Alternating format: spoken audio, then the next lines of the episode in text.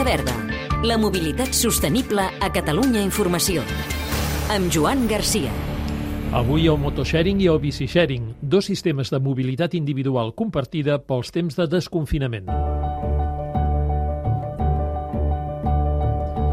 L'Ajuntament de Barcelona ha adjudicat a 12 empreses de motos més de 4.000 llicències i a 7 de bicicletes més de 3.000 autoritzacions per un període de 3 anys.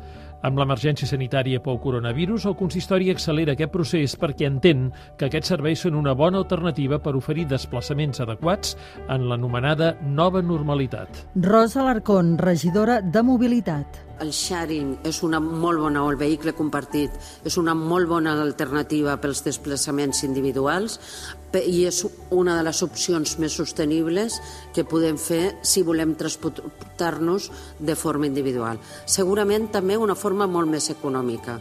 No és el mateix tenir allò, tot el que suposa de tenir un vehicle propi, haver de buscar l'aparcament, haver de pagar les reparacions. El sharing no és només una alternativa sostenible, sinó que també és una alternativa econòmica què es busca impulsant el sharing? Una mobilitat més sostenible i eficient, reduir l'ús del vehicle privat, les emissions contaminants i afavorir l'intercanvi modal amb el transport públic. Una estratègia de mobilitat que s'impulsa també a tota l'àrea metropolitana. En aquests moments, alguns ajuntaments, especialment de la primera corona, tenim serveis de sharing que no permeten als vehicles, ni a les bicicletes ni a les motos, passar d'una banda a l'altra de les fronteres de la ciutat, ni del Besòs per una banda ni de la Riera Blanca per l'altra. Per tant, estem treballant amb l'àrea metropolitana i creiem que aviat podrem tenir bones notícies per poder compartir el sharing de les nostres ciutats a nivell com a mínim de la primera corona metropolitana. Què motiva les empreses a oferir aquests serveis de mobilitat compartida? Oriol Marimón, director general de Ecultra. La gent abraçarà un servei com el de motosharing perquè és un servei que té lloc a l'aire lliure, on hi ha molt poc contacte amb altres persones i això el fa un servei molt atractiu. De manera que poder anar del punt A al punt B sense trobar-te ningú en contacte amb l'exterior, creiem que un servei de motosharing pot ser realment la solució.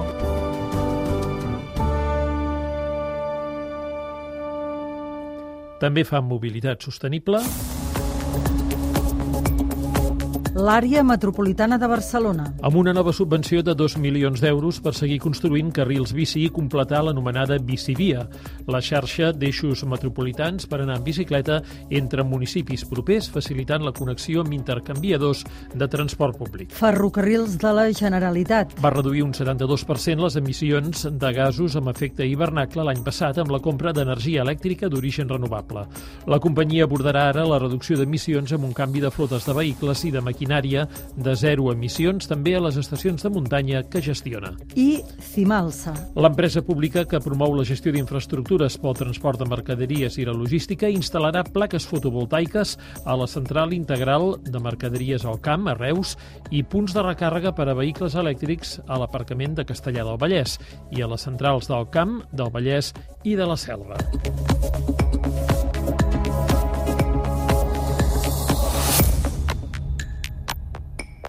Hem de tendir a... Racionalitzar l'ús del vehicle privat, els aparcaments dissuasoris a la perifèria de les ciutats connectats amb sistemes de transports ràpids cap al centre urbà és una de les mesures més útils. Via Verda, disponible al podcast i a catradio.cat.